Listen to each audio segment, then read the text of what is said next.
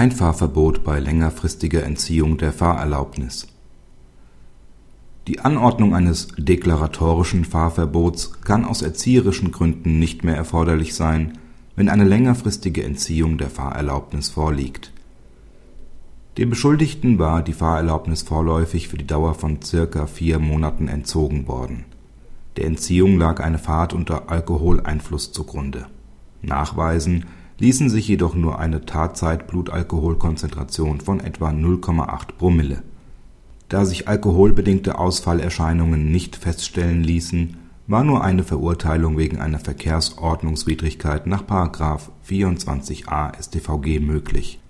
Das Amtsgericht sah von der Festsetzung eines deklaratorischen Fahrverbots ab, da dem Beschuldigten die Fahrerlaubnis für die Dauer von vier Monaten vorläufig entzogen war Maximal hätte gegen ihn nur ein Fahrverbot gemäß § 25 StVG von drei Monaten festgesetzt werden können.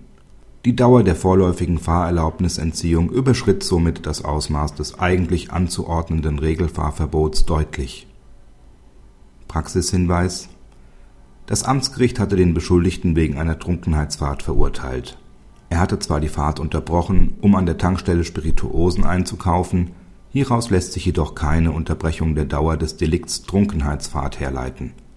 Anhand dieser Entscheidung wird deutlich, wie wichtig es ist, bei der Verteidigung darauf zu achten, ob eine oder mehrere Taten vorliegen. Insbesondere die Annahme von Realkonkurrenz führt dazu, dass für jede einzelne Tat auch Punkte im Flensburger Register eingetragen werden